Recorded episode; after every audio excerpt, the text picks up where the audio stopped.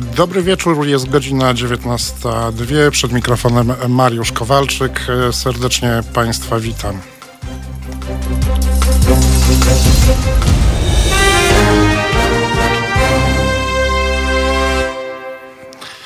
E, na dziś zaplanowałem dwa y, tematy. Przepraszam, mam y, tylko prośbę do pani realizator, czy mogłaby mi w słuchawkach, y, żebym przynajmniej troszeczkę słyszał w słuchawkach, bo nic nie słyszę. Halo, halo. Teraz lepiej, dzięki. Zaplanowałem dwa tematy. Pierwszy to jest pojednanie polsko-niemieckie, a w zasadzie Polaków z Niemcami. I o tym porozmawiamy y, w pierwszej godzinie z profesorem y, Stanisławem Żerko z Instytutu Zachodniego i mam nadzieję, że za chwilę też do nas dołączy pan profesor Klaus y, Bachmann z Uniwersytetu SWPS. A w drugiej godzinie, po godzinie 20 porozmawiamy o panu Przemysławie Czarnku, i porozmawiamy e, o nim z dziennikarzem z Lublina, czyli sięgniemy do źródeł. Pierwszy temat. E, Niemcy podczas II wojny światowej dokonali w Polsce e, hekatomby. Dopuścili się masakr ludności cywilnej, uruchomili fabryki śmierci, wiele polskich miast obrócili w ruinę. Polska straciła dużą część elit intelektualnych, zabytków, a po wojnie znalazła się w strefie wpływu Związku Radzieckiego, co na dziesięciolecia utrudniło rozwój naszego kraju. Wydaje się, że Niemcy przepracowują swoje winy, nie zaprzeczają, że wyrządzili nam ogromne krzywdy. I było już też wiele gestów pojednania. Przypomnijmy tylko 1965 rok, list polskich biskupów do niemieckich z hasłem Przebaczamy i prosimy o przebaczenie. 1970 rok e, Willy Brandt klęka przed pomnikiem bohaterów getta. 1989 rok. Polsko-niemiecka msza pojednania odbyła się w Krzyżowej. Tam udział wzięli w niej Tadeusz Mazowiecki i kanclerz Helmut Kohl. Oni się wtedy obejmowali.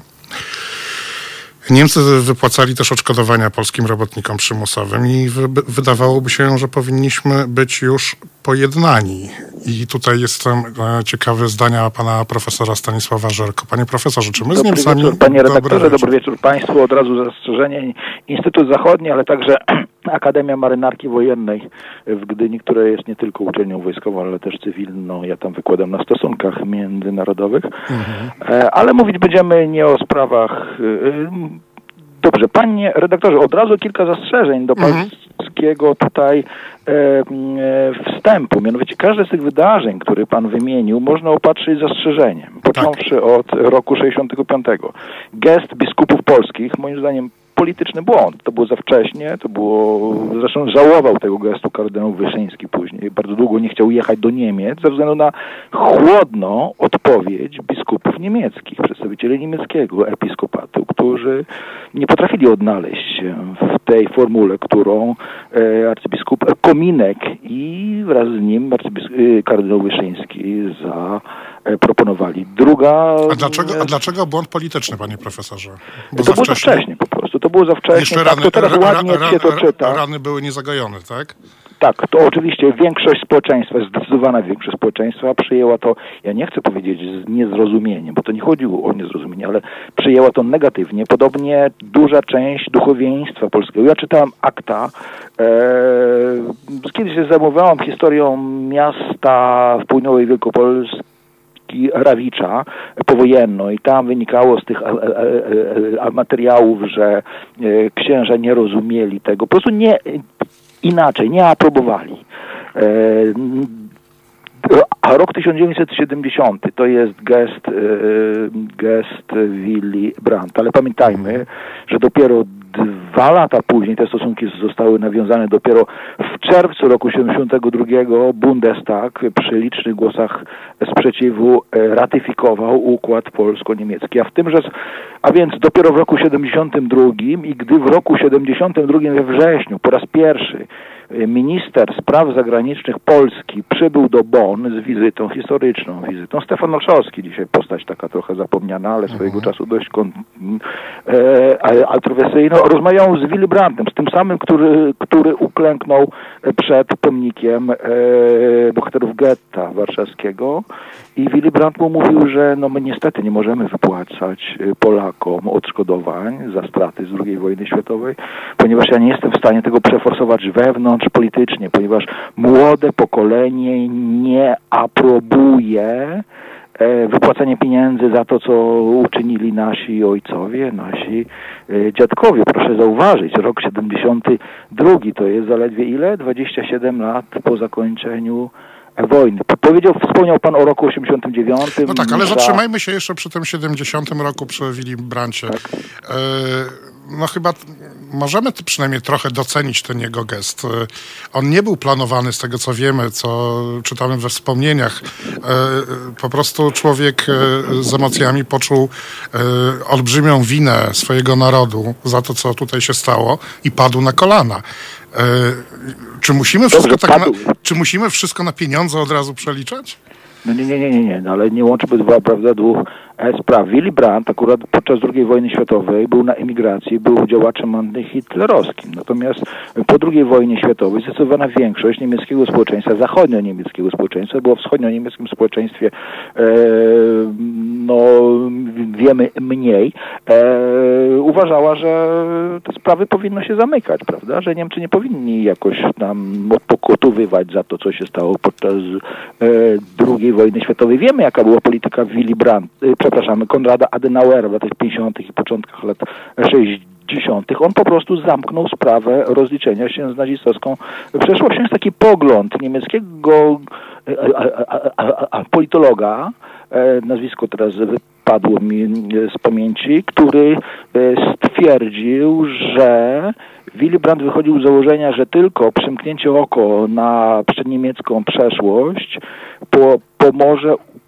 pomoże odbudować niemiecki system demokratyczny po roku 1945-1949, ponieważ większość społeczeństwa popierała Hitlera i jeżeli będziemy o tym przypominać, będziemy z tym walczyć, to e, demokracja w Niemczech, ten eksperyment demokratyczny nie powiedzie się.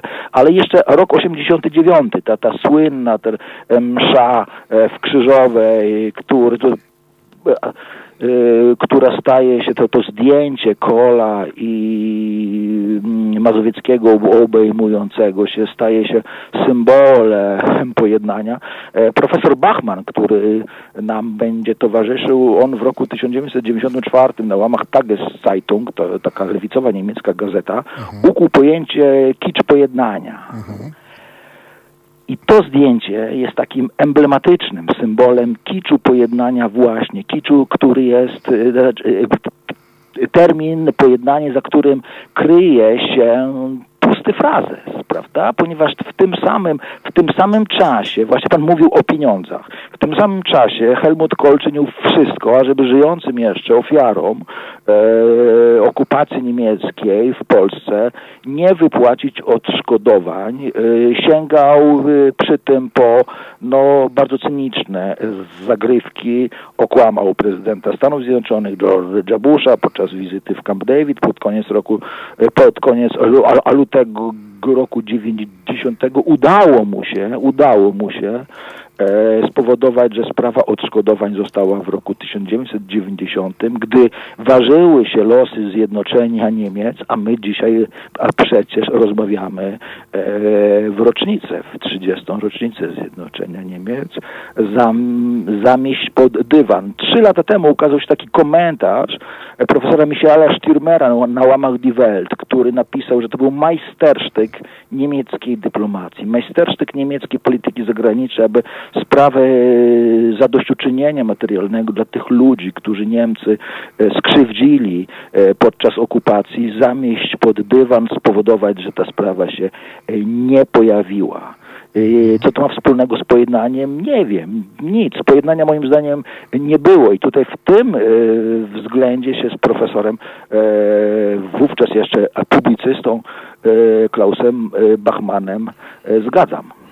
No tak. E, z jednej strony mieliśmy gesty, ale może, może początek w ogóle, no gesty powinny być jakimś początkiem, tylko coś za tym powinno e, iść e, dalej. No bo sytuację mamy taką. Z jednej strony mm, kwestie właśnie materialne dotyczące odszkodowań, a z drugiej strony takie kwestie, bym powiedział, społeczne, socjologiczne, i to, jak na siebie e, z Niemcami patrzymy. E, no cóż, no, sądząc po tym, jak u nas na przykład sprawa niemiecka jest wykorzystywana w polityce wewnętrznej i, i jak łatwo jest uruchomić te antyniemieckie fobie, no, należy sądzić, że polskie społeczeństwo te zadry nie, antyniemieckie w sobie, w sobie ma i bardzo łatwo jest je uruchomić. I rozumiem, że między innymi pojednanie powinno polegać na tym, że te rany w jakiś sposób one się zabliźniają, prawda? Tak mi się wydaje. Bo nie tylko chciałem tu, tutaj o pieniądzach mówić, nie wiem, jak pan profesor sądzi. I czy Niemcy, yy, czy my wykonaliśmy jakąś pracę ku temu w ogóle? Bo z jednej strony wydaje, wydaje się, że Niemcy jednak e, przepracowują tą swoją przeszłość, bo nie jest tak, że oni nie wiem, e, do tej pory uważają, że Hitler był świetny i był dobry, wręcz przeciwnie. E, uczą się na historii to, czego zrobili. My pewnie mamy pretensje o to, że za mało e, mówią o wyjątkowości ich zbrodni w Polsce, ale nie zaprzeczają tych zbrodniom. A czy my też, co, czy, czy, czy my powinniśmy też coś zrobić, jeżeli w ogóle chcemy się z nimi jednać? Bo ja nie wiem, może nie chcemy. Klaus Bachmann w swoim artykule, który, do którego tam to, e, wracam już chyba trzeci raz, czy e, drugi, napisał, że pojednanie w tym przypadku, jeżeli chodzi o pojednanie polsko-niemieckie, powinno wyjść od strony niemieckiej, prawda? Mhm. E, to nie Polska powinna tutaj być stroną aktywną. Polska była stroną aktywną właśnie w roku 65, a później też aktywny był Władysław Gomułka w roku 69, który wyszedł właśnie z inicjatywą znormalizowania stosunków z Niemcami e, zachodnimi. Ale proszę zauważyć, że e, to nasze sąsiedztwo, polsko-niemieckie sąsiedztwo jest e, no dość dziwne takie, prawda? Proszę zauważyć, że Polska jest w Republice Federalnej mało znana, także dla dziennikarzy. Ja już nie mówię o przeciętnych Niemcach. To jest takie naprawdę bardzo dziwne sąsiedztwo.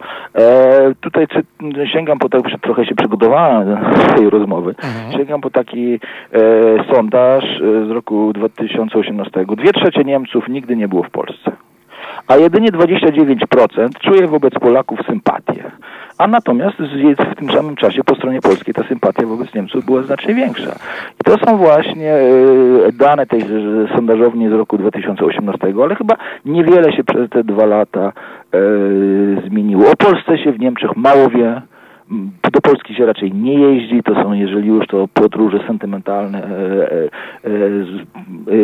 e, odchodzącego pokolenia na polskie ziemie zachodnie i północne, a bardzo mało się wie także o zbrodniach na Polakach podczas wojny i okupacji, no zbrodniach straszliwych. To po prostu wymyka się, to nie wzbudza zainteresowania. Ja, ja rozumiem, że po prostu historia nie jest interesująca dla Niemców, dla Polaków także w pewnym stopniu młodego pokolenia, ale ja mówię o, o, o, zwykłych Niemcach, ale tutaj sięgnąłem tam po też taki a, cytat, moim zdaniem celny, z wywiadu cenionego niemieckiego publicysty Konrada Schulera, pozdrawiam przy okazji na Twitterze, kiedyś mhm. rozmawialiśmy, dla dużego formatu Gazety Wyborczej, to jest czerwiec roku 2016 roku. I on mówi tak, jeśli chodzi o Polskę, byłem totalnym analfabetą. Chodziło o to, o to że on się dopiero później się Polską zainteresował.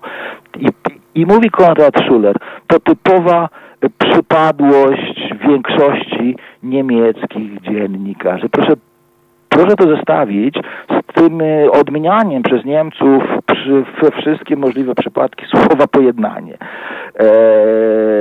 w ubiegłym roku, 1 września prezydent Steinmeier wygłosił w Wieluniu i później w Warszawie no, niezwykle wzruszające przemówienia, a już dwa tygodnie później pan powie, że ja mówię o pieniądzach wciąż, a on w wywiadzie, tenże sam Steinmeier, no, w wywiadzie dla Corriere della Sera wystąpił przeciwko wznawianiu debaty o reparacjach. On mówił tak, że mam nadzieję, że Polska i Niemcy będą mogły, e, cytuję, podążać drogą pojednania zwróconą ku przyszłości, nie gubiąc się w debacie na temat reparacji zwróconej wstecz. A więc właśnie, my możemy, yy, mówię o Niemcach, oni mogą wygłosić wzruszające przemówienia, wziąć udział w uroczystościach, prawda, ale, ale z drugiej strony na tym się to ma kończyć, prawda. Ja rozumiem, e, nie, że Niemcy mają bardzo bogaty dorobek, jeżeli chodzi o badania nad e, e, zbrodniami niemieckimi podczas II wojny światowej. To jest historiografia niemiecka, jest, ma no,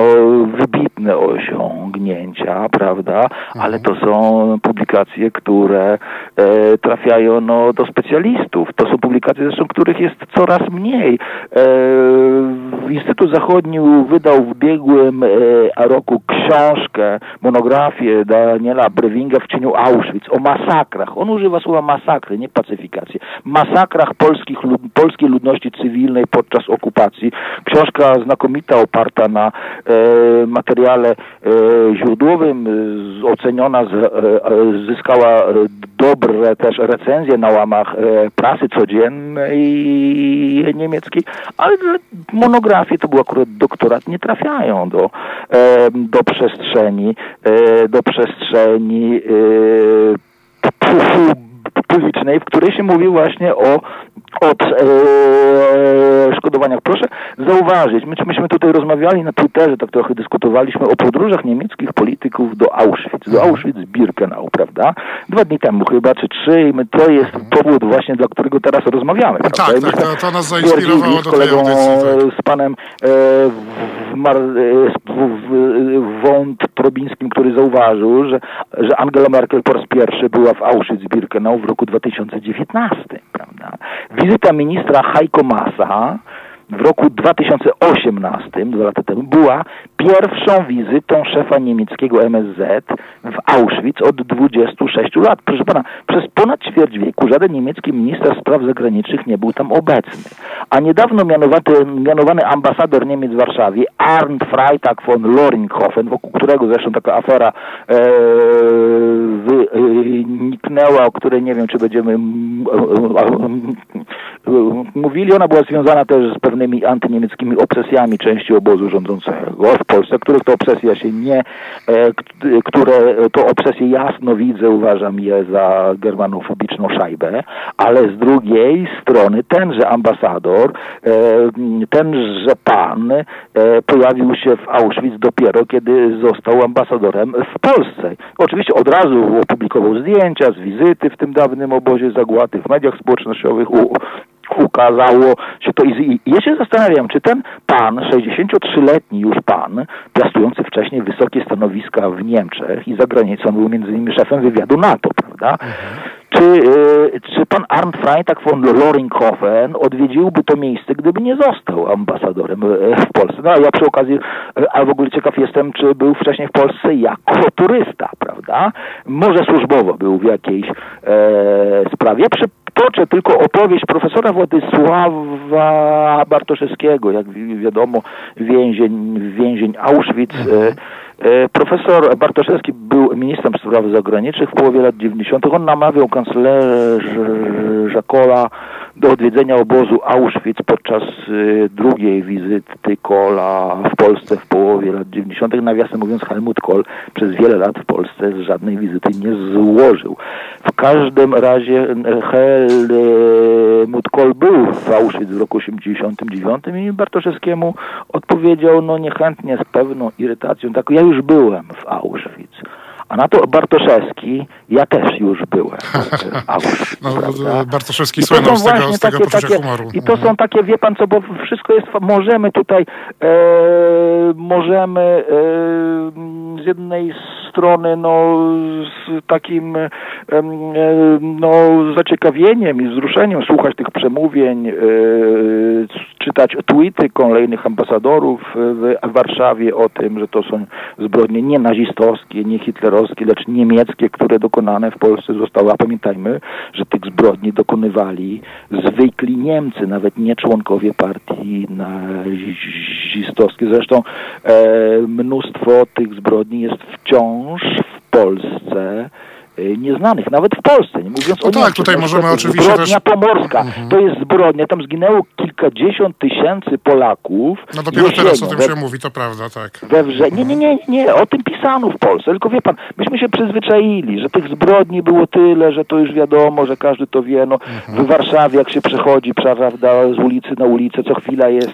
jest e, prawda, mhm tablica z wiązanką kwiatów. Myśmy tak myśmy myśleli PRL-u, to pokolenie, które w PRL-u e, e, e, dorastało, myśmy myśleli, że to jest, myśmy sądzili, że to jest taka wiedza powszechna. Tymczasem okazuje się, że nie, że w Niemczech e, e oczywiście w, gdzieś to jest, oczywiście, biblioteki są monografii pełne, prawda? Nawiasem, e, e, e, ale to nie, nie przebija się do świadomości publicznej, do przestrzeni publicznej, używam tego określenia po raz drugi dzisiaj chyba, ale proszę też pamiętać, znaczy nie, Razem z Muzeum Powstania Warszawskiego zorganizował Instytut Zachodni a, a, a, rok temu taką konferencję, która miała podsumowywać e, konferencję naukową stan badań nad e, dziejami okupacji niemieckiej w Polsce 39-45. Mhm. I myśmy tam próbowali niemieckich partnerów znaleźć. Okazuje się, że tych badaczy, którzy się w tej chwili w Niemczech tą problematyką zajmują, można policzyć na palcach jednej ręki i zostanie trochę tych palców. To jest kilku naprawdę badaczy, tak jakby jakby e, to jest coraz mniej. Wcześniej tych e, uczonych zajmujących się tą problematyką w Niemczech Zachodnich, w Niemczech Wschodnich i w NRD też było jednak więcej. Zresztą nawiasem mówiąc, to w Polsce też od tam, nie wiem, 20 lat, może 25, ale przeżywamy zanik taki badań nad dziejami okupacji niemieckiej. Po roku 89, po tym przełomie 89-90, historycy rzucili się na zapełnianie białych aplam, stosunki mhm. polsko-sowieckie czy radzieckie, dzieje PRL, prawda? I coraz mniej badaczy zajmowało się dziejami okupacji. No tak, może uznaliśmy, że wszystko wiemy po prostu. E, odeszło pokolenie mhm. tych wielkich uczonych jak e, Czesław Madajczyk, jak Czesław Łuczak, jak jeszcze inni, prawda, e, którzy myśleliśmy, że to jest wszystko zbadane, tymczasem nieprawda. Właśnie po roku 89-90 utworzyły się nowe perspektywy badawcze. Można jeździć do Niemiec, badać archiwa niemieckie. E, pobyt w Niemczech jest z roku na rok coraz tańszy, prawda? To już nie jest ten okres, kiedy badacz z Polski nad każdym, e, nad każdą Pakował konserwy, prawda? Zastanawiał się i tutaj jak się śmiano, że polski historyk, polski profesor w latach 80. musiał opanować trudną e, sztukę ugotowania makaronu w, z, na konserwie. Umywalce, w umywalce na e, grzałce do grze, podgrzewania wody. Nie, jest już inaczej, jest już mhm. lepiej, powinno to być. Ale okazuje się, że jednak niemiec, język, e, e, znajomość języka niemieckiego w Polsce jest coraz raz mniejsza. Ale wracając do Niemiec, bo tu głównie mówimy o, o stronie niemieckiej, to jednak wydaje mi się, że że to jest taka cecha polityki zagranicznej Niemiec, że oni się bardzo chętnie posługują takimi frazesami w rodzaju pojednanie właśnie.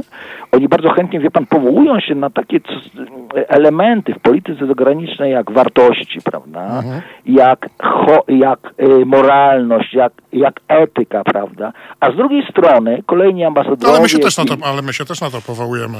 E, no dobrze, ale mówimy teraz o, o, o teraz o Niemcach, nie? Ale kolejne rządy od Konrada Adenauera po Angelę Merkel twierdzą, że pod względem e, prawnym, tu tutaj droga prawna do dochodzenia odszkodowań od, za drugą wojnę światową jest wykluczona i jest zamknięta. Twierdzą też, że ta sprawa jest zamknięta pod względem politycznym. No, na płaszczyźnie moralnym łaskawie dodają, że jest otwarta. No dobrze, jest otwarta, ale w takim razie należy wyciągnąć z tego wnioski polityczne, prawda? Ja oczywiście nie będę wchodził w te bzdury, które się no, na łamach prawicowej, e, e, e, e prawicowych e, mediów pojawiają często, że Polacy, że Niemcy Polakom są winni jakieś biliony nawet e, euro czy złotych już nie No tak, oni tam co, co do centa potrafią to wyliczyć, tak. No nie, nie, to po prostu to jest jakiś absurd zupełny, prawda?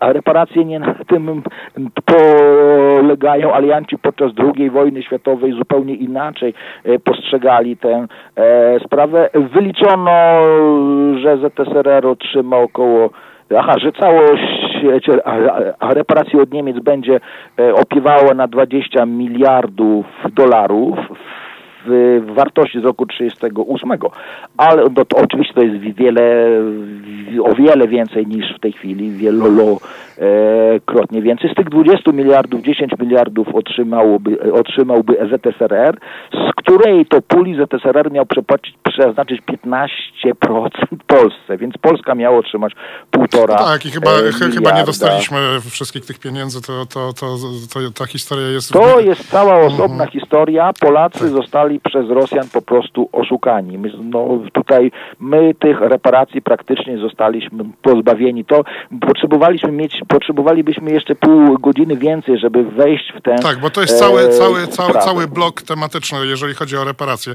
Panie profesorze, ja proponuję, żebyśmy tutaj na chwilę się zatrzymali, zrobili sobie małą przerwę. przerwę. Tak. E, tak. E, po przerwie e, ja się trochę wcielę w adwokatów, w, w adwokata jednak Niemców e, i, i będziemy kontynuowali naszą dyskusję, także proszę zostać przy telefonie. E, słuchacze... A posłuchamy czego? E, no niestety nie posłuchamy tego, o czym rozmawialiśmy, bo tak. trochę zaspałem i za późno, za, za, za późno się zorientowałem, żeby wysłać wysłać te utwory, o których rozmawialiśmy, że powinny wybrzmieć. Ale ja myślę, że jeszcze będzie okazja. Także teraz posłuchamy zespołu Alpha Will. Wracamy dosłownie za kilka minut i potem kontynuujemy naszą rozmowę o pojednaniu polsko-niemieckim. Słuchajcie powtórki programu.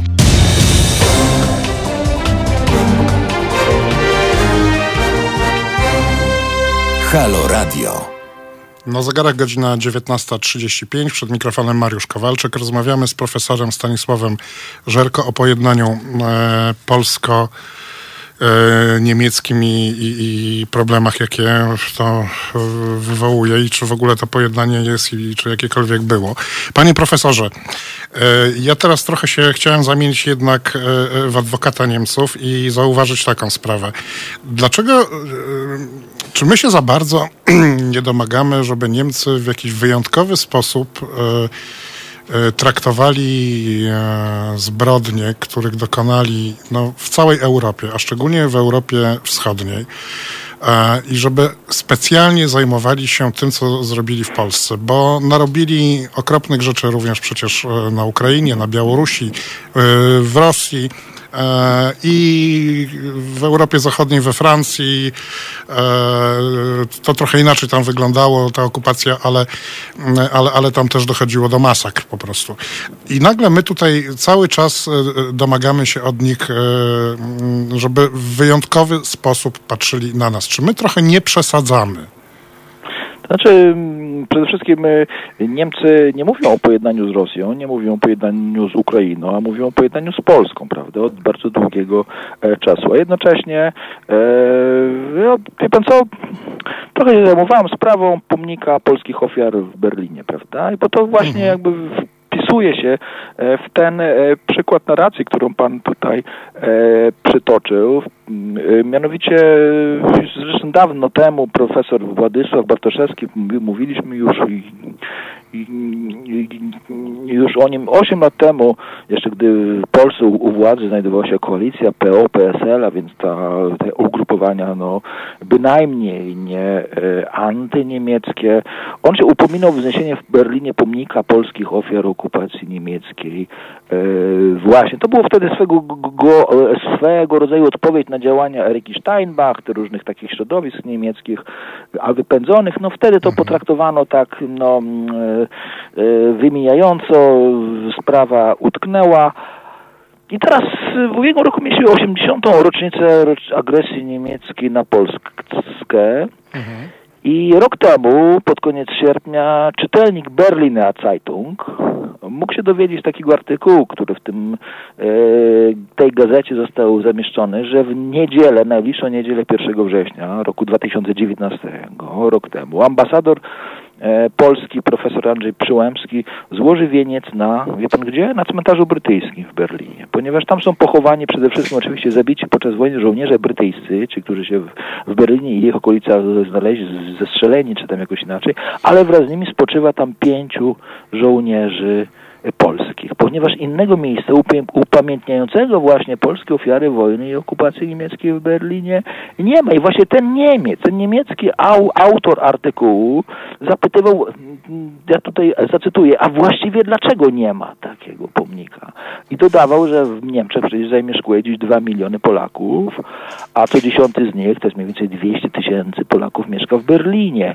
Właśnie od tego czasu tam się później pojawiła taka inicjatywa e, grupy niemieckiej niemieckich e, obywateli e, o wzniesienie pomnika tego. On miałby pom, powstać ten e, pomnik na Placu Łaskańskim. To jest taka ruina budynku dworca Anhalter Bahnhof. To jest niemalże centrum Berli Berlina. To jest takie ciekawe miejsce, bo właśnie na tym dworcu właśnie Joachim von Ribbentrop, hitlerowski minister spraw zagranicznych, witał w roku 40 w listopadzie swego E, radzieckiego, czy tam sowieckiego odpowiednika Wiaczesława Mołotowa. Ale tutaj nie o to chodzi. Co ważniejsze, przy tym Askanisze Plac znajduje się też gmach Deutschlandhaus, w którym fundacja e, e,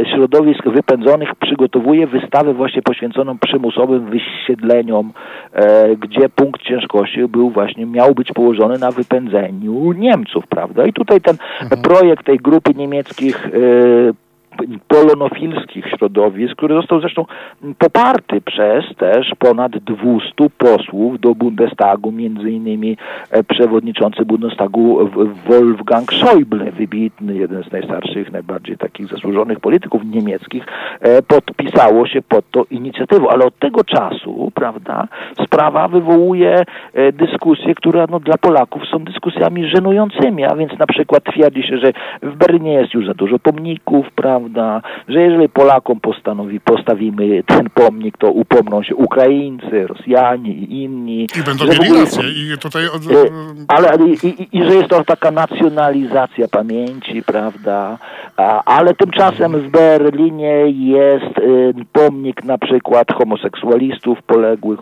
znaczy zgładzonych podczas II wojny światowej, jest pomnik Sinti oraz Roma, prawda, a Polacy mają się zadowolić, jest taki pomnik tam w dawnym E, Berlinie Wschodnim pomnik e, polskiego żołnierza i niemieckiego antyfaszysty jeszcze z czasów PRL i No właśnie tutaj słuchacz nam e, pisze, że pomnik żołnierza polskiego jest Volkspark.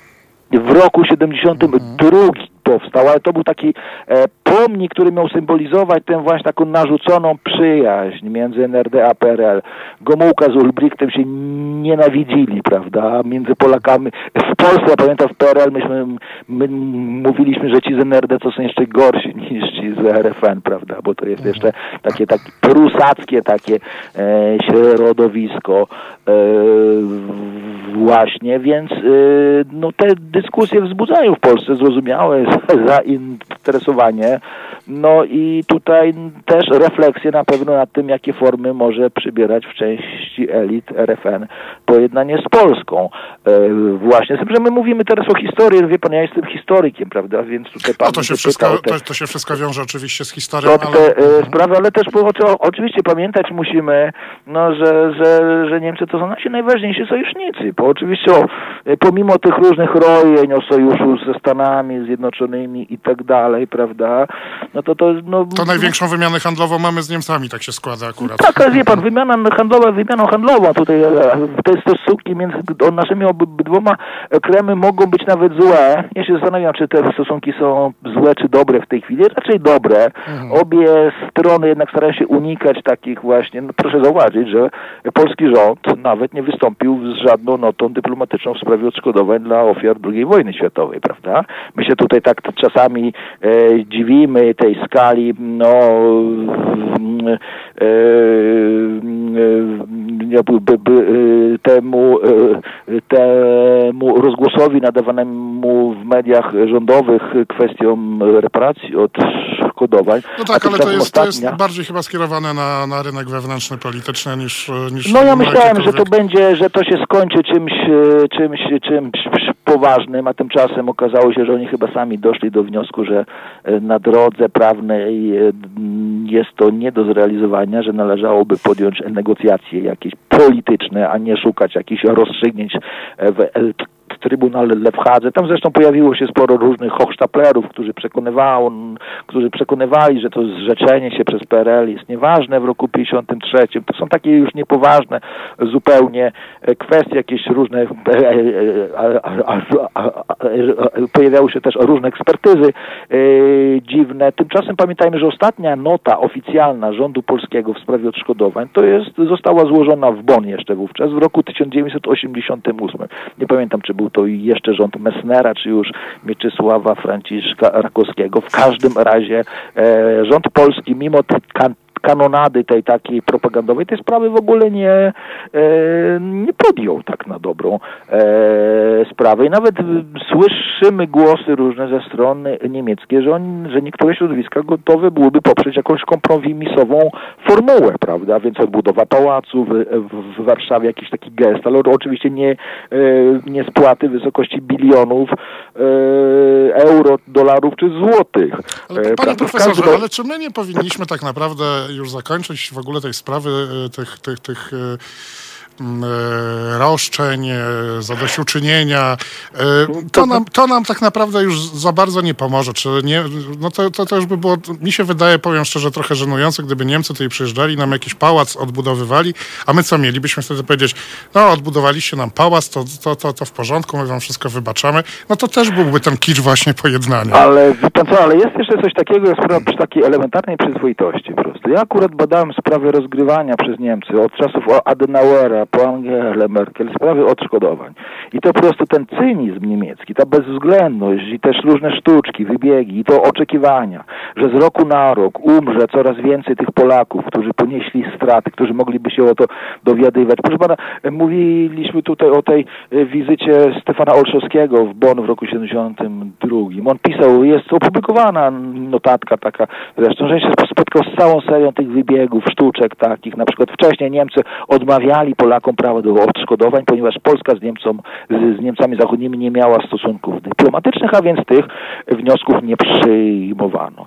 I później po roku 72 Polacy się dowiedzieli, że niestety już nie mogą składać, ponieważ termin, e, gdy nawiązano już stosunki dyplomatyczne, termin składania wniosków upłynął z dniem 31 grudnia roku 70, e, przepraszam, 69 i takich sztuczek była cała masa.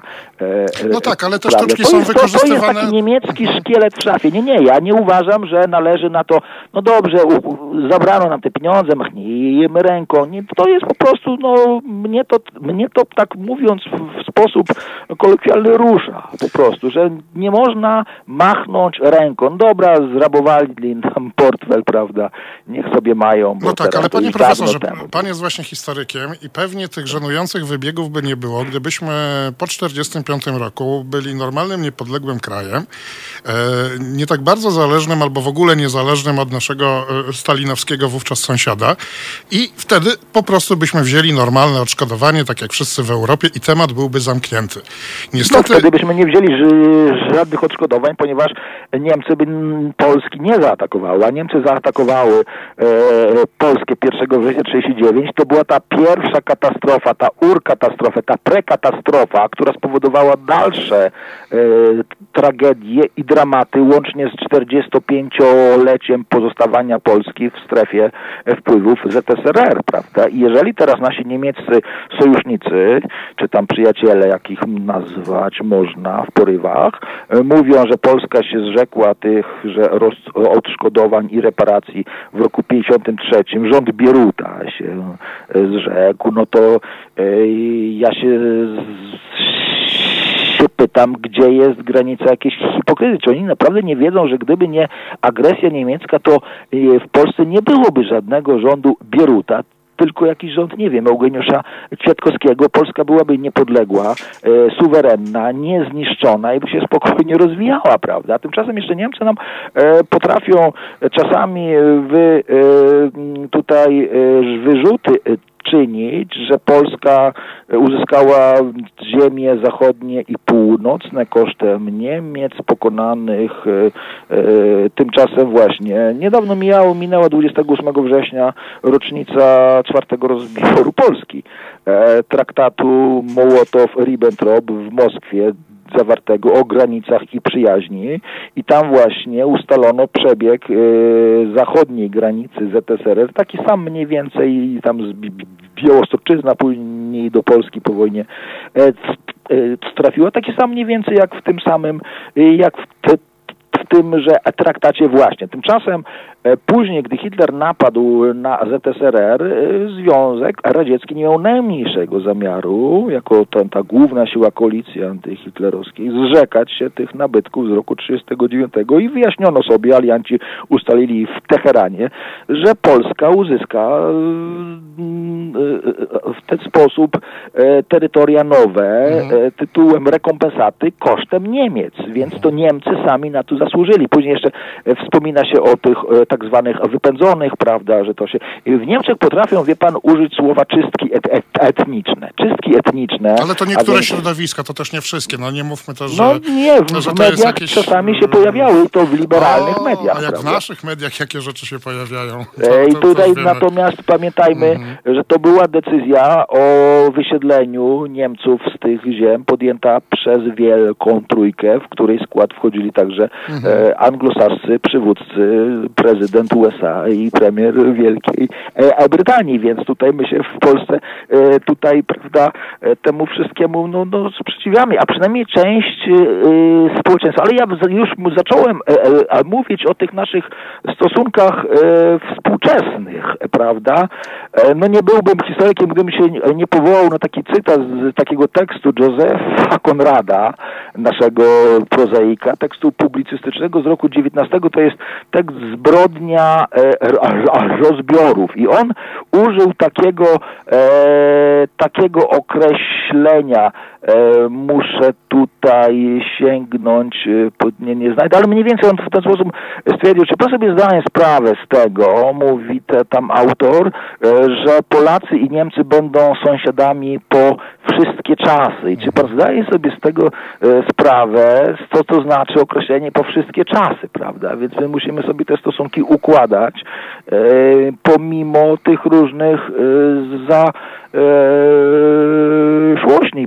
I, i powinniśmy dbać o też o możliwie naj, najlepsze stosunki z Niemcami, no ale nie za wszelką cenę, prawda? Ponieważ oczywiście są zbieżności inny, e, e, interesów, ale też różnice interesów i jest też, i to jest kwestia niepodlegająca e, dyskusji, lekceważenie przez Berlin żywotnych interesów Polski, a czego symbolem jest, jak wiadomo, Nord Stream 1, Nord Stream 2, prawda? No ale tak, to, ale to są czas- tylko nie, takie hasła. nie możemy, ale na nie możemy mieć też pretensji Niemczech- do Niemców, że oni dbają o swoje interesy, my dbajmy o swoje.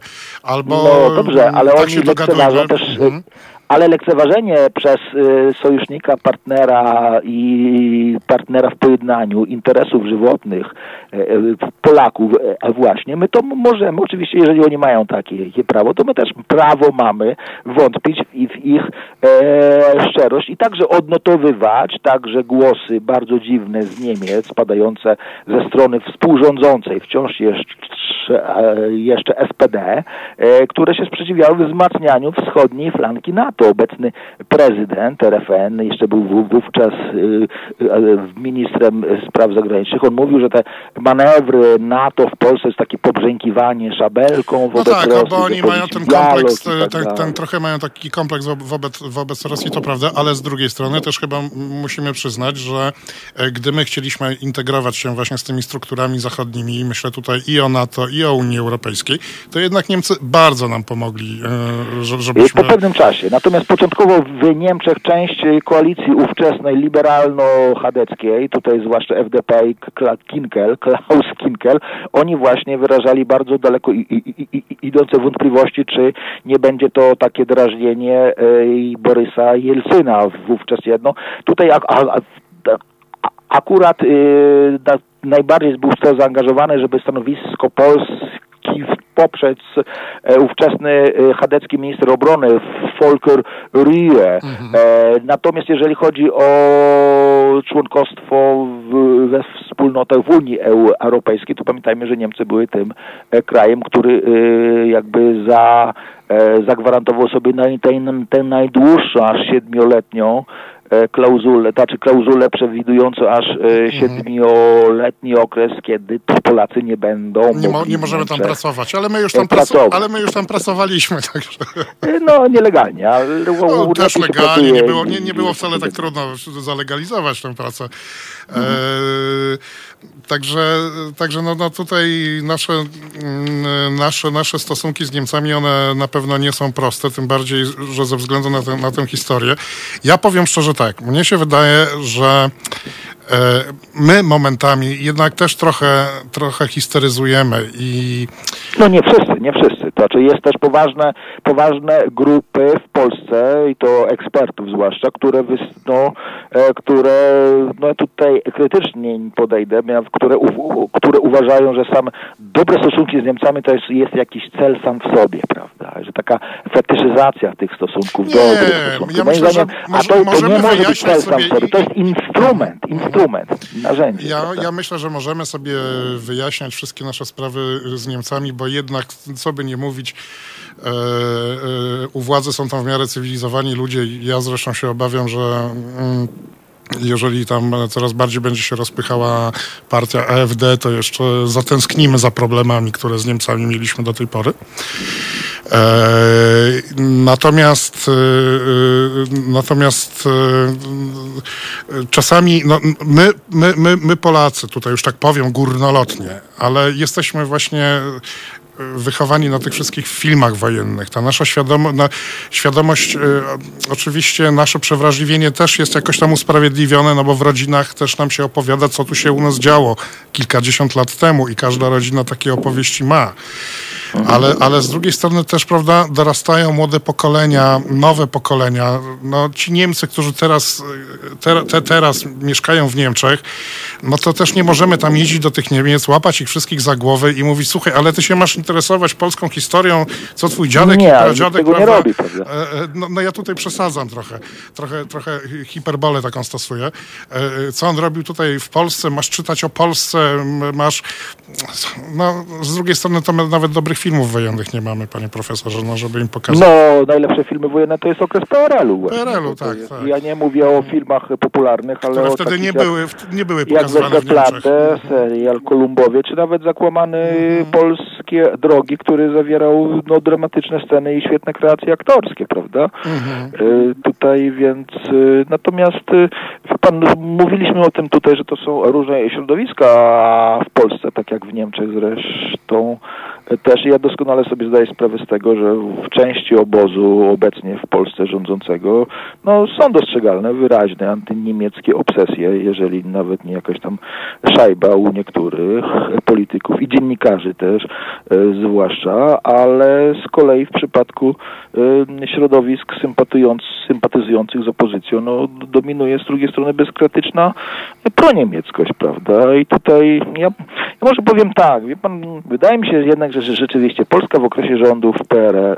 e, rządów Platformy Obywatelskiej, no nie była niemieckim partnerem, lecz no Niemcy mają takie określenie junior partner partner junior, młodszy partner, no to to jest taki, wie pan, łatwy, e, łatwo się z nimi politykę a, a, a robiło z niemieckiego punktu widzenia. Jacek Kaczmarski, Jacek Kaczmarski, tutaj mi się to przypomina ta e, fraza, rozgrywka z nimi to nie żadna polityka. To wychowanie dzieci biorąc rzecz en masse, prawda? I to tak trochę nie można być wściekle antyniemieckim, prawda, ale też nie można być takim tutaj spolegliwym i tak twierdzić, że no, no jednak połowa społeczeństwa polskiego to są germanofoby zapatrzeni w, w, w przeszłość, nie myślący o przyszłości, ponieważ przyszłością to jest też Nord Stream 2, prawda? To nie jest nie, no jasne, tak, że ta tak, przyszłość jest tak. świetlana, a, a kto, kto jakby rozpamiętuje rany, to to jest, prawda? Panie profesorze, bo szukam, szukam jakoś puenty naszej rozmowy i, i może, może byłoby fajnie, gdyby ona nie była pesymistyczna, a może naturalna, nie, nie, nie musi też być realistyczna. I tak sobie myślę, że naj, chyba najlepszym pojednaniem polsko-niemieckim i wtedy mo moglibyśmy zacząć w ogóle mówić o, też o tym pojednaniu, byłoby wtedy, że jak my jeździmy do tych Niemiec, to też przestajemy dostawać takiej szajby, jak kiedyś dostał e, e, ten nasz polityk Rokita, prawda, że go Niemcy biją. Albo znam bardzo wielu Polaków, którzy jak pojadą do Niemiec i stamtąd wracają, to oni na, na te Niemcy patrzą właśnie przez kalkę II wojny światowej, zbrodni i tak dalej, na, na politykę, na interesy polsko-niemieckie albo niemieckie. I, I, myślę sobie tak, że, że, że to pojednanie może nastąpić wtedy, kiedy kiedy, kiedy właśnie przestaniemy przez te kalki patrzeć, kiedy... Co, a, ja bym wolał, żeby żadnego pojednania nie było, żeby była normalna Normalność, dokładnie. To nie o to chodzi, że się mamy e, do, kochać. Dobrosąsiedzkie stosunki, dokładnie. ale bez faryzejskości w rodzaju odmieniania wszystkich przypadki słowa pojednania, prawda? Bo mhm. e, tutaj właśnie nieobecny dzisiaj niestety bardzo żałuję e, bardzo profesor żałuję. E, Bachman, on w tym artykule napisał w roku 94, że nagle wszyscy mówią pojednanie, że nagle, nie wiem, normalna współpraca praca, nie wymiana młodzieży to jest pojednanie. No ci młodzi ludzie, oni nie mają komun... Przecież oni od tych swoich kolegów niemieckich nie, e, nic złego nie, prawda, e, nie doznali, więc czy mhm. jakaś, nie wiem, jeżeli Niemcy otwierają fabrykę w Polsce, no to to jest zwykła e, działalność handlowa i biznesowa, a nie pojednanie, prawda? A tutaj nagle, no myśmy przyzwyczaili, że tu nagle pojednanie. Pojednanie w ogóle to jest termin, zdaje się, z teologiczny i tak trochę zawłaszczony przez a polityków, którzy lubią te e, sprawy tak trochę wykorzystywać i, i właśnie instrumentalizować. No właśnie, żeby była normalność. A normalność to pojedźmy do Niemiec, napijmy się z Niemcami ich dobrego piwa, zaprośmy ich tutaj. Nie wiem, co im tutaj można nalać, bo nasze piwo nie wiem, czy im będzie smakowało. E, i, i, i, nie miejmy fobii, e, tylko no, po prostu żyjmy normalnie. Panie profesorze, musimy kończyć, bo 19.59 już nam wybiła. E, Jak ten czas szybko leci. Bardzo, bardzo, bardzo dziękuję za ciekawą rozmowę. E, Miło mi było. Mam nadzieję, dziękuję że jeszcze nie raz będę, będzie okazja, żebyśmy na antenie porozmawiali. E, wszystkiego dobrego życzę. Wszystkiego dobrego również, dobranoc, miłego wieczoru. Kłaniam się. Dziękujemy bardzo. E, Dziękuję bardzo. Teraz zrobimy sobie krótką przerwę i przenosimy się do Lublina, gdzie porozmawiamy e, z dziennikarzem Dziennika Wschodniego o personie, o której tak dużo się rozmawia, czyli o Przemysławie Czarnku, bo on tam jest z Lublina. Oni go znają, proszę Państwa. To jest powtórka programu.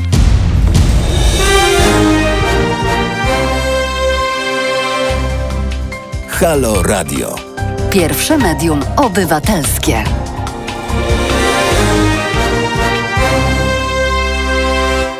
Na zegarach już godzina 26. Przed mikrofonem Mariusz Kowalczyk. Zaczynamy drugą godzinę naszego spotkania. E, w której to godzinie chciałem e, porozmawiać o takim człowieku, który się nazywa Przemysław Czarnek.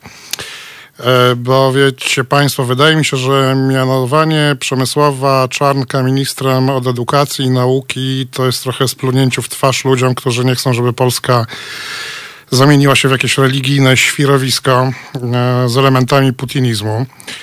E, Czarnek już podkreślił, gdy został ministrem, że postawy podważające wartości chrześcijańskie spotkają się z jego sprzeciwem.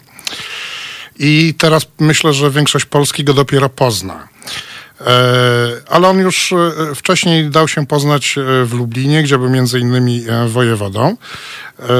I z czego tam Czarnek zasłynął i jak go tam zapamiętano, porozmawiamy o tym ze Sławomirem Skomrą, dziennikarzem lubelskiej gazety Dziennik Wschodni. Cześć Sławku, czy się słyszymy? tak, chyba słyszymy się dobrze. Dobry wieczór. Dobry wieczór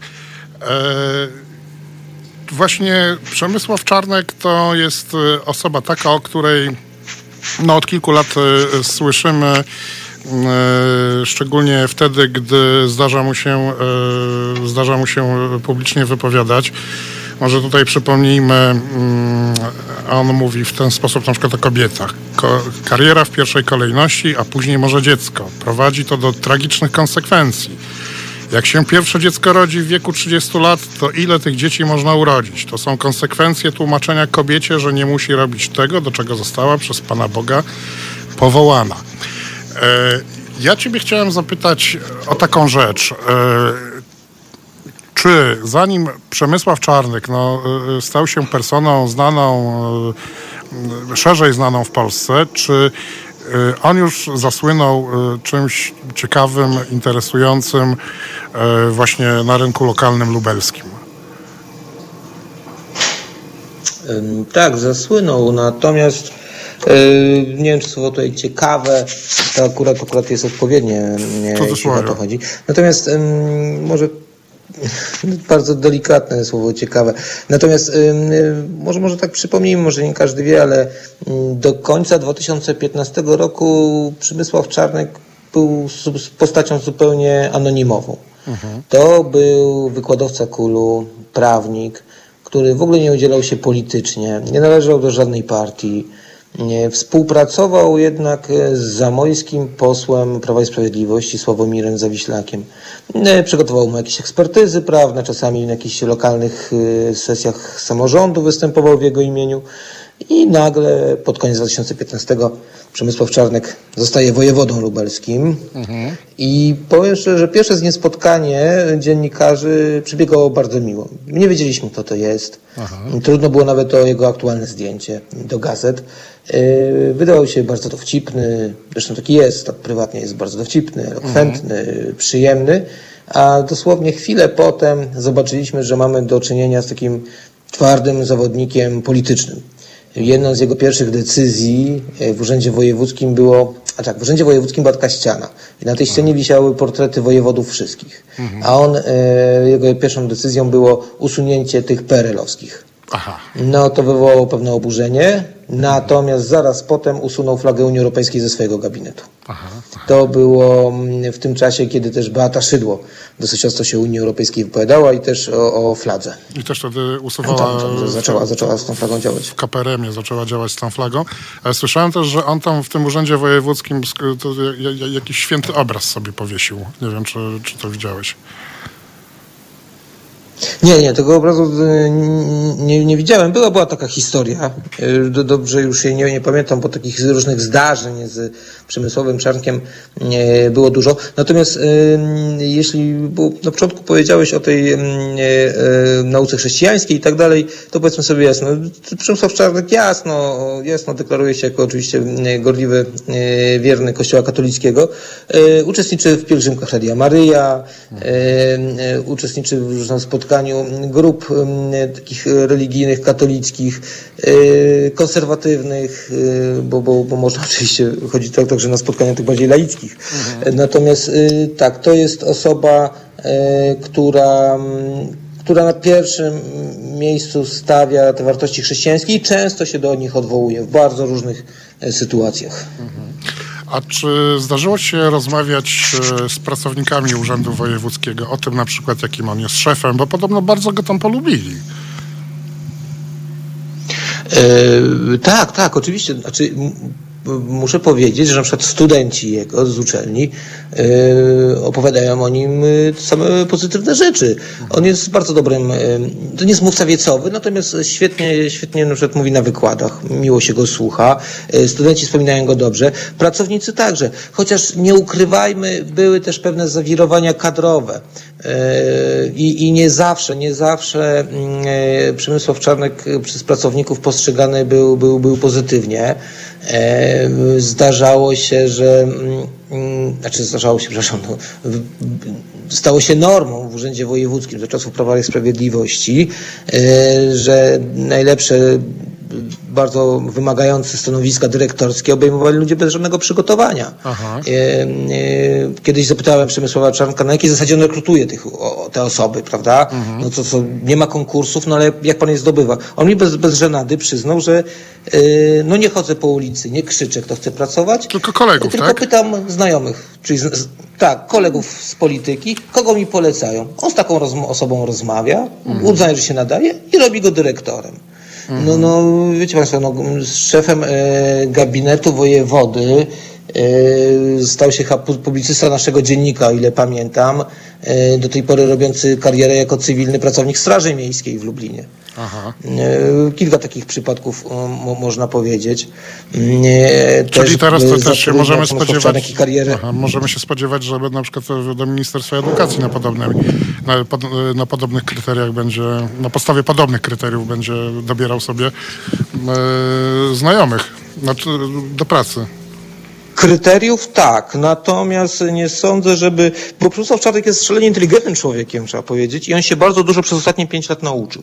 Mhm. I, I wielu, wielu błędów, które tutaj były mm, punktowane w Lublinie, on w ministerstwie już nie popełni.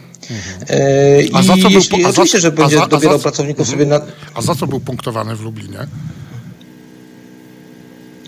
E, właśnie taki na przykład dobór kadr. Bardzo, bardzo pracownicy, e, wielu pracownikom Urzędu Wojewódzkiego to się nie podobało, gdy na przykład e, robi się trzeciego zastępcę dyrektora jakiegoś wydziału i to jest najmłodszy tam zastępca w historii Urzędu Wojewódzkiego, a, a główną jego zasługą było to, że wywodził się z takiego klubu konserwatywnego na Kulu, z którym współpracował Przemysław Czarnek.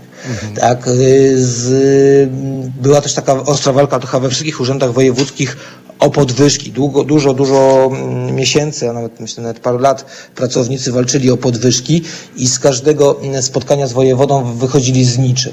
On oczywiście obiecywał interwencję tam w ministerstwach i z tego co wiem nawet je podejmował, mhm. ale, ale no, no nie, nie nie, nie ten, nie, nie przynosił do skutku. Natomiast y, on na przykład y, punktowano go za to, że poszedł z marszu ONR-u. To mhm. był chyba 2018 rok. ONR y, zorganizował w Lublinie taki potężny marsz, przeszedł przez centrum miasta. Oczywiście jak to ONR to były różne y, hasła, y, typu raz sierpem, raz młotem i tak dalej, tak, mhm. nienawistne te hasła. On nie dość, że tam poszedł, to jeszcze jako gość specjalny i główny właściwie przemawiał na tym. Na to, na to spadły tak olbrzymie gromy na niego, nawet ze strony y, polityków PiSu, mhm. którzy, żaden z nich przecież w takim marszu nigdy by nie poszedł. Y, natomiast y, politycy PiSu nie chcieli tego komentować oficjalnie, natomiast tam było naprawdę duże oburzenie w tym środowisku, do tego stopnia, że już nie popełnił tego błędu. Już nigdy więcej mhm. w takim marszu y, Przemysław Czarnek nie poszedł. A słuchaj Sławku, czy, jedna, czy, czy, taka, czy, ty kojarzysz, mhm, czy ty kojarzysz jakieś jego powiązania właśnie z jakimiś lubelskimi e, narodowcami, nacjonalistami? Czy, czy, czy udało wam się znaleźć e, w, w tym kierunku jakieś jego powiązania? Nie, nie, takich, takich czytelnych powiązań e, nie. Natomiast on jest związany z takim istnieje na kulu klub Wademekum, bodajże tak się nazywa. To jest taki klub myśli konserwatywnej. Ja nie nazwałbym ich narodowcami, mhm. natomiast takimi konserwatystami bardzo zbliżonymi do Konfederacji, tak, tak, tak, tak ideowo, tak można, można powiedzieć. Mhm. I powiem szczerze, że y, część kadry Urzędu Wojewódzkiego właśnie wywodziła się wprost z tego klubu. Bardzo dużo udzielał się też z tego, co, co, co pamiętam w klubie inteligencji katolickiej. To jest taki klub w Lublinie, gdzie no, sympatyzujący z Radiem Maryja, powiem wprost, no, no, no to tego nie ma, nie, nie ma co ukrywać. Mhm. Jego jednym z doradców czy pełnomocników jest profesor Mieczysław Ryba, profesor Kulu i też stały współpracownik e, Radia Maryja. Zresztą no, częsty, kilku częsty, częsty, współpracowników. Ryba to częsty komentator w wiadomościach telewizji polskiej. Tak. Mhm. A powiem, powiem szczerze, że kilku jego współpracowników, bliskich takich bardzo, zaczęło współpracę z mediami ojca Rydzyka po tym, jak, jak stał się współpracownikami Przemysława Czarnka. Tak, jak, on, tak jakby on wciągnął ich, ich do, e, do tego środowiska i do tych mediów. Aha. Tak, to, tak to też wygląda. Pierwsze takie zmiany kadrowe w Urzędzie Wojewódzkim, tam to był początek 2016 roku, to były właśnie osoby wywodzące, wywodzące się z rejonów Radia Maryja, telewizji Trwam, naszego dziennika. Mhm. To, to, to był tam później właśnie Prawo i Sprawiedliwość i w, te, w tę stronę. Jasne. Proponuję, żebyśmy sobie zrobili krótką przerwę na muzykę, posłuchali na przykład Prince'a, ale jeszcze przed e, przerwą jeden cytat e, z Przemysława Czarnka. Tutaj akurat o środowiskach LGBT się wypowiedział, że związek seksualny to kałuża sucha albo morze suche. Słuchajcie powtórki programu.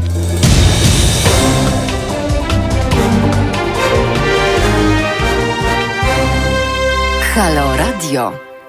Godzina 20.24. Przed mikrofonem Mariusz Kowalczyk. E, naszym gościem jest e, Sławomir Skomra z Dziennika Wschodniego, e, z którym rozmawiamy o Przemysławie Czarnku, który właśnie z Lublina pochodzi. Sławku, chciałem cię zapytać jeszcze o taką historię. Ona bardzo, za, bardzo, za bardzo do ogólnopolskich mediów się nie przebiła, ale, ale media lokalne w Lublinie o niej pisały. Jakiś czas temu była afera na milion złotych, łapówka, e, podobno łapówka. Zainteresowała się tym CBA i aresztowany został kuzyn Czarnka. Nie wiem, czy sobie przypominasz. Tak, tak, ja tą historię znam bardzo, bardzo dobrze. Siedziałem na nią. To był bardzo gorący dzień, jeśli mhm. mogę tak powiedzieć.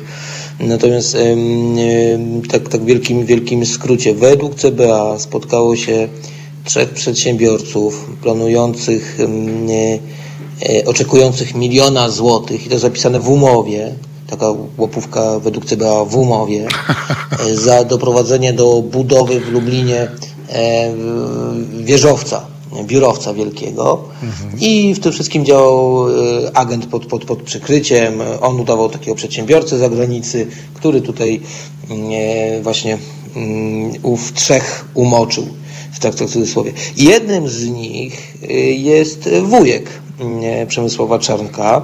Mhm. Natomiast ten, niech to nie zabrzmi tak, że to jest jakiś starszy pan. Oni są w bardzo podobnym wieku. Mhm. Natomiast formalnie jest, jest, to, jest to jego wujek. Mhm. I co więcej, z tego co wiem, to nawet są sąsiadami. Mhm. Mieszkają dom w dom.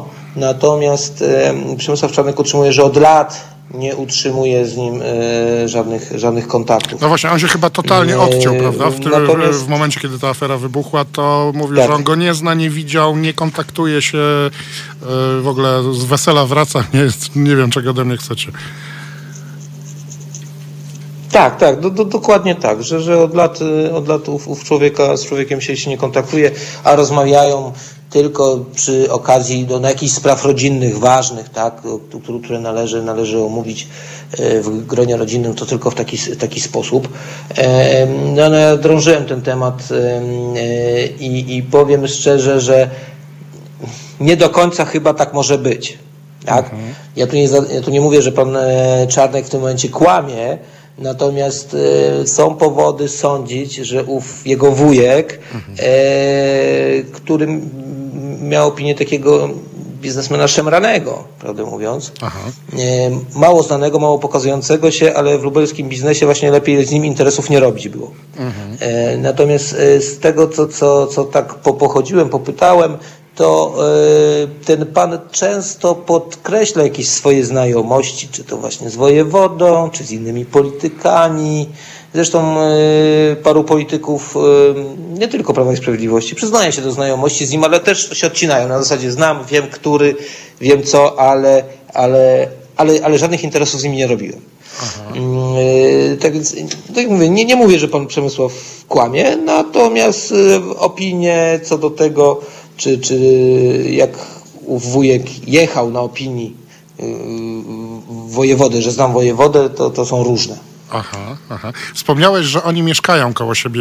Powiedz mi, w której dzielnicy Lublina oni mieszkają? To jest y, Sławin lub Sławinek, tam ta, tam ta okolica. Czyli to jest dzielni, dzielni, takie dzielnica domków jednorodzinnych, taka można powiedzieć dzielnica domków, tak willowa tak nawet. Mhm, czyli nie, nie najgorsza dzielnica. Tak. Mhm. Nie, całkiem, całkiem. Raczej kojarzona z ludźmi zamożnymi w Lublinie.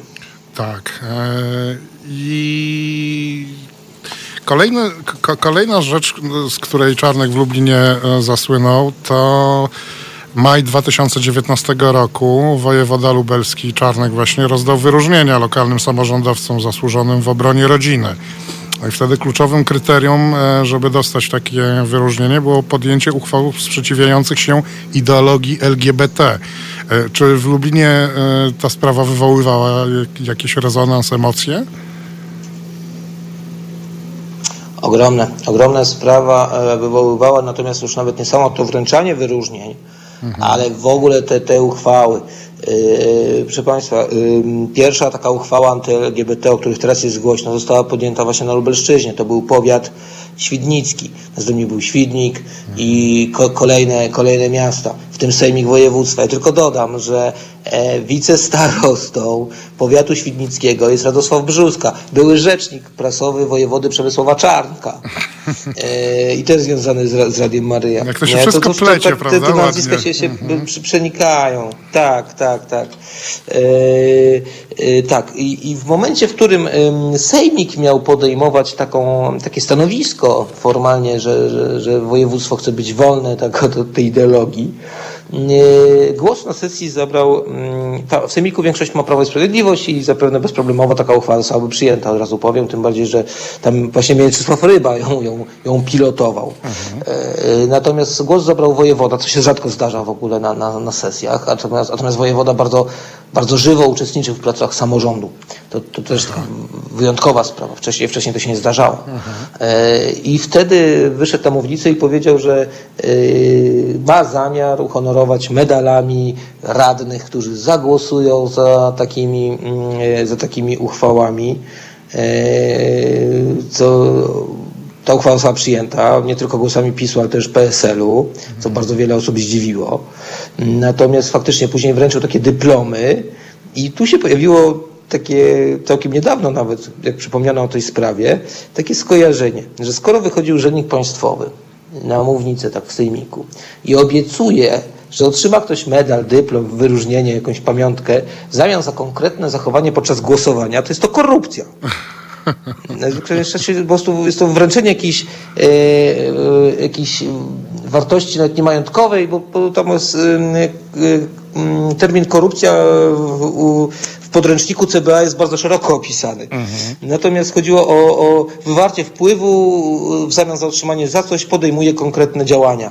No, no i faktycznie no, sprawa, sprawa chyba została zgłoszona do prokuratury całkiem niedawno, i ale chyba umorzona albo zmierza do umorzenia z tego, z tego co kojarzę. Mhm. Natomiast e, odbiło się to szerokim echem. E, naprawdę powiem szczerze, w pewnym momencie, może jak te mniejsze samorządy przyjmowały takie uchwały, to no to nie chcę powiedzieć, że byłem z tego zadowolony, ale, ale to opisywałem. Natomiast kiedy weszło to na sejmik i wojewoda później nagradzał te samorządy, mhm.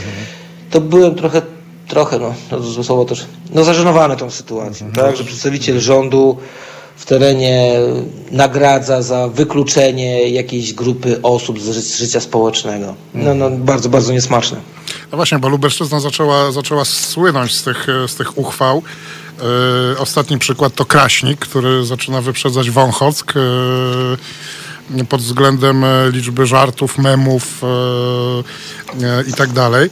I mm, rozumiem, że Przemysław Czarnek jak najbardziej właśnie doceniał takie inicjatywy wykluczające jakieś grupy społeczne E, ale jestem ciekawy e, w momencie, kiedy teraz e, zaczęły się te spekulacje, czy Czarnek będzie ministrem, czy nie będzie ministrem, jak to odbierano w Lublinie, w tym środowisku lubelskim polityczno-dziennikarskim? Czy, czy raczej to były reakcje typu hmm, no to nie, no to już będzie wstyd już na całą Polskę. Boże Święty, Lublin będzie wytykany palcami. Czy raczej były takie, nie no super, będziemy mieli swojego człowieka w rządzie. No coś niesamowitego, wspaniale. Jak to wyglądało? Mm, jeśli chodzi tak, tak, tylko o dziennikarzy, powiem słowo, jeśli e, chodzi o dziennikarzy, to mm, dziennikarze zajmujący się w Lublinie edukacją mhm. zaczęli wręcz mówić, kto chce moją działkę, ja z niej odchodzę. Nie? Na takiej zasadzie. Dlaczego? No właśnie teraz e, dobrze go no, znają, to mogą się wykazać. No nie, no. nie, nie. Nie, nie. Mają telefon bezpośredni. E, natomiast tak, a czy on odbiera telefony? To trzeba mu, mu, mu, mu przyznać, odbiera telefony, dziennikarzy, jest otwarty w takich kontaktach, nie ma problemu. Natomiast tak, tak naprawdę, tydzień przed tym, jak ta decyzja o tym, że Przemysław Czarnek zostanie ministrem edukacji, był typowany na ministra sprawiedliwości, tak? Mhm. Wtedy, powiem szczerze, było większe, większe zamieszanie tutaj polityczne. Mhm. No wiadomo, miałby wygryźć Zbigniewa Ziobrę, wie, jakie cele mu jeszcze zostały był postawione na tym, na tym stanowisku. Natomiast kiedy poszła plotka, plotka od razu mówię, mhm. że zostanie ministrem edukacji, wiele osób powiedziało, no tak, a tydzień temu miał być sprawiedliwości, nie? Aha. No nie będzie, no, na takiej zasadzie.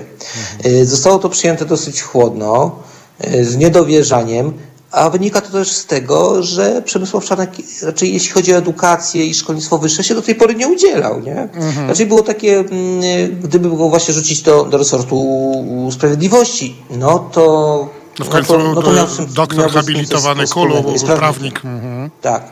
Mhm, mhm. Tak. Gdyby to było, mm, gdyby to był y, MSWiA, nie?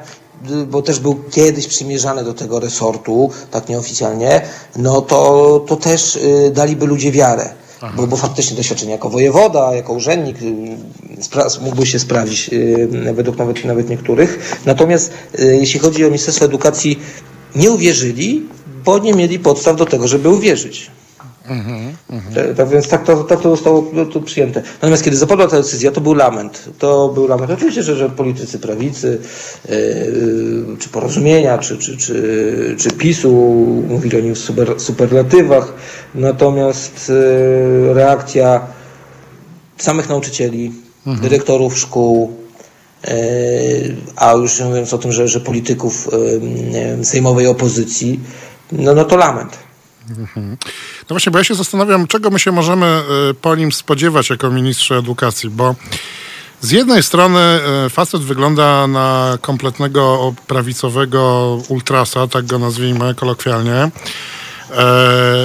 ale z drugiej strony zaczynam, trochę się zastanawiam, czy to nie jest te wszystkie jego wypowiedzi bardzo kontrowersyjne, a to o LGBT, a i o Żydach mu się wcześniej zdarzało, o Ukraińcach. E, e, czy, czy, czy to nie jest takie polityczne wyrachowanie, że on wie, że E, wygłaszając właśnie taką, głosząc taką wypowiedź, no będzie po prostu we wszystkich dziennikach telewizyjnych, e, we wszystkich serwisach informacyjnych, e, we wszystkich portalach, w gazetach. Ty, no, śledząc go już od jakiegoś czasu właśnie na, na, na, na rynku lokalnym, jak uważasz? To jest facet, że on ma naprawdę takie przekonania, czy raczej mm, gra cynicznie? To jest facet, który naprawdę ma takie przekonania. E, to, co mówi o mm, wartościach chrześcijańskich, e, o jakichś zaszłościach polsko-ukraińskich, o, ja nie lubię tego słowa, ale użyję go, środowisku LGBT, no to, to, to, to, jest, to są jego realne przekonania. Natomiast to, że świetnie wykorzystuje media, i mhm. jest medialny i potrafi przykuć, y, skupić na sobie uwagę i nagłośnić coś, na czym mu zależy, to jest inna sprawa. Powiem tylko taką anegdotkę krótką, że kolega, który pracował w Urzędzie Wojewódzkim przed nastaniem Przemysłowa Czarnka, uważał, że tam się nic nie dzieje. To jest Aha. nuda. Nikogo nie zainteresuje, jakie tam są kwity, przerabiane dokumenty, a nasz Przemysław Czarnek i on potrafi robić trzy konferencje prasowe dziennie. I nagle się okazało, że tam zapadają super ważne decyzje, że tam jest się czym pochwalić, że jest jak promować programy rządowe, że każdą promesę dla samorządu, dotację można w, bleskach, w blasku fleszy wręczyć. Mhm. Nie wiem, czy jeszcze prowadzi swój kanał na YouTubie Przemysław Czarnek. Tak, bo miał taki... To przed domem. Tak, ponad 100 filmików takie, chyba miał. Tak. Mhm. Tak, się nazywało Polska to nie wstyd. Mhm. gdzie, gdzie komentował bieżą, bieżące, bieżące sprawy. Natomiast i do tego chciałem powiedzieć, że on jest medialny. Bardzo ostro swego czasu atakował PSL. To było przed wyborami samorządowymi, bo wiadomo, że na Lubelszczyźnie Prawo i Sprawiedliwość największym wrogiem tej partii to, to nie jest Platforma Obywatelska, Nowoczesna czy SLD. To jest, to jest właśnie Polskie Stronnictwo Ludowe. Mhm. Bardzo ostro porównywał, mówił o PSL-u, że to dziadostwo, że to bardzo, bardzo źle generalnie, Aha. E, że doprowadziło i kraj, i, i, i Lubelszczyznę do ruiny. E, a swoją drogą dobrze wiem, że w kulturalny sposób spotykał się e, z marszałkiem województwa z PSL-u przy herbacie, omawiali jakieś bieżące sprawy, jak mieli jakieś takie wspólne instytucje, gdzie razem mieli kształtować kadrę tej instytucji, bo tak wynikało z przepisów, to dogadywali się przy tej kawie, ale parę godzin później na konferencji prasowej Czarnek wbijał ten PSL w ziemię. No, zniszczył ich po prostu słownie. Mhm. E, tak więc to było, to było wystudiowane. Natomiast e, jeśli chodzi o te poglądy, mm, świat, światopogląd, e, to, to, to mówi szczerze. Mówi szczerze, w pewnym momencie zrozumiał, że, że to jest nośne, że on na tym może zrobić karierę mhm. i się przejechał. I przejechał się w momencie, w którym wygłosił to sławne zdanie E, w telewizji publicznej, e, że e, tak, że, że ci ludzie nie są równi ludziom normalnych, bodajże tak to brzmiało. Tak, tak. Że, że... I wtedy, wtedy poczuł, że przeszarżował, że nie wszystko mu wolno. Być może dostał reprymendę od kierownictwa swojej E, wspaniałej prawdy, e, partii. E, Sławku, na koniec chciałem cię zapytać jeszcze o jedną rzecz, mianowicie o Katolicki Uniwersytet Lubelski, kiedyś uniwersytet bardzo szanowany, jeszcze w czasach komunistycznych uchodził za taki no, za wolny uniwersytet w, przeciwieństwie do wielu, do wielu innych, gdzie no, komuniści nie mieli po prostu wstępu ani, w, no wstęp to może mieli, ale nie mieli wpływu na to i jak, co, co tam się uczy. Czarnek właśnie y, wywodzi się z tego środowiska kulowskiego, ale mm, na Boga, no, co, co tam się dzieje? No, ostatnio ksiądz profesor Alfred Wierzbicki został skrytykowany przez władze tej uczelni, y, dlatego, bo śmiał bronić właśnie środowiska LGBT przed, przed różnego rodzaju atakami. Natomiast no, z tego, co ja tam słyszę, to właśnie tacy ludzie jak, jak pan Ryba, jak pan Czarnek, no oni tam są wynoszeni pod niebiosa, oni są awansowani, oni są doceniani. Co tam się dzieje? Czy, czy, czy, czy, czy wiesz, co tam się dzieje w ogóle? Ja tylko powiem, że na, na, na kanwie tej sprawy z księdzem profesorem Wierzbickim, którego bardzo, bardzo lubię i bardzo go szanuję, e, Wczoraj ksiądz profesor Szostek, bardzo, bardzo znany naukowiec katolicki, mhm. wykładowca tej uczelni, ogłosił, że on się rozstaje z kulem. Mhm. Tak, to jeszcze e, środowisko, środowisko Wojtyły, kiedy Wojtyła tam przyjeżdżał. Mhm. Tak, tak, to jest, to jest bolesny cios. I co się dzieje na Kulu? Kul jeszcze parę lat temu był uczelnią otwartą. Miał taką opinię, że katolicki, ale ale nie sobie laicki z jednej strony, mhm. no ale taki właśnie otwarty, nie? No, że polityka tam się nie, nie, nie wkradała, nie wkraczała, że, yy, że potrafimy dyskutować, że potrafi, mamy, mamy otwarte głowy i potrafimy wyrażać opinie i na jedną stronę, i na drugą. Yy, do tego stopnia, że to środowisko takie ultrakatolickie, bardzo konserwatywne, yy, mówiło na mieście, że KUL nie jest katolicką uczelnią, katolicki to jest Toruń. Aha, tam, aha. Jest, tam, tam, tam jest katolicka uczelnia, a nie w Lublinie. Aha. I to się zmieniło. To się zmieniło, y, to się zbiegło tak z nastaniem e, Prawa i Sprawiedliwości w Polsce i, i KUL się y, tak utwardził po tej prawej stronie. Mam wrażenie, że każda kolejna władza na tej uczelni staje, jest bardziej, bardziej właśnie, właśnie twardo stoi, stoi po tej stronie. Natomiast, że robią karierę tacy ludzie jak, jak, jak, jak Czarnek. No, ostatniego dnia swego urzędowania poprzedni rektor awansował go na profesora. Tak. Mhm. Yy, była jedna z ostatnich decyzji, albo ostatnia, którą, którą podpisał. Yy, natomiast biorąc pod uwagę sam fakt, że Przemysław Czarnek nie jest wybitnym naukowcem i prawnikiem. No podobno nie ma tam zbyt dużego dorobku Politykiem naukowego. zdaje się być wytrawnym. No nie, nie. No, na, na te prace, które czytałem naukowe, powiem szczerze, że jeśli niekontrowersyjne, to, to, to no to mi jako nawet laikowi prawa to jakoś to w głowie nie, nie, nie otworzyło. Y, natomiast y, kul, kul idzie bardzo w prawą stronę. Ale wiesz co, on szedł już w prawą stronę. Ja studiowałem w Lublinie w latach 90. E, studiowałem na UMCS-ie, nie na Kulu, ale pamiętam, że tam już było to środowisko, no środowisko Ryszarda Bendera chociażby, takie bardzo narodowe, nacjonalistyczne, tak. ultrakatolickie. E, to może to środowisko jakoś ono doszło do, doszło do głosu. No, no, tak spekuluję, nie mam informacji w tej chwili. Być może, być może, bo, da, yy, bo w pewnym momencie też to środowisko Ryszarda Bendera yy, było, było trochę odsuwane. Yy, Mirosław Piotrowski, jego, jego wierny uczeń, już tam były pewne kontrowersje z jego pracą, pracami naukowymi i, i powiem szczerze, że Kul jakoś nie stawał oficjalnie w jego obronie. Natomiast to, to może on, Kul stał się też uczelnią hermetyczną tak? Yy, ma, mm, nie chcę powiedzieć problem z komunikacją, ale trudno jest, yy, jest poznać, jeśli ktoś jest z zewnątrz, poznać, co się tam naprawdę dzieje.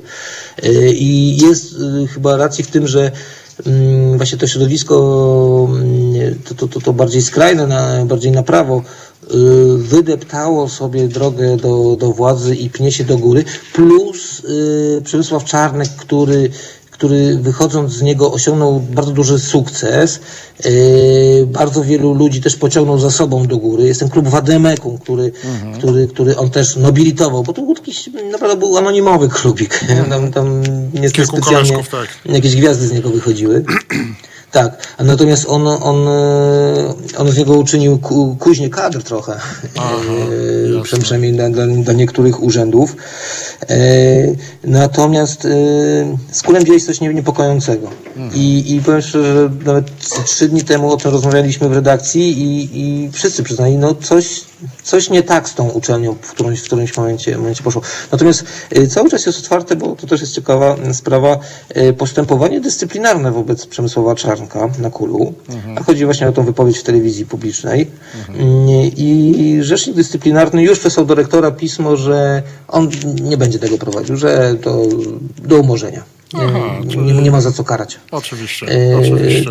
To stało się jeszcze przed parę dni temu, natomiast kiedy Przemysław Czarnek w poniedziałek zostanie ministrem nauki i szkolnictwa wyższego, nie ma szans, żeby postępowanie było prowadzone. Jasne. E, musimy kończyć, bo czas nam się tutaj właśnie kończy, że tak powiem brzydko.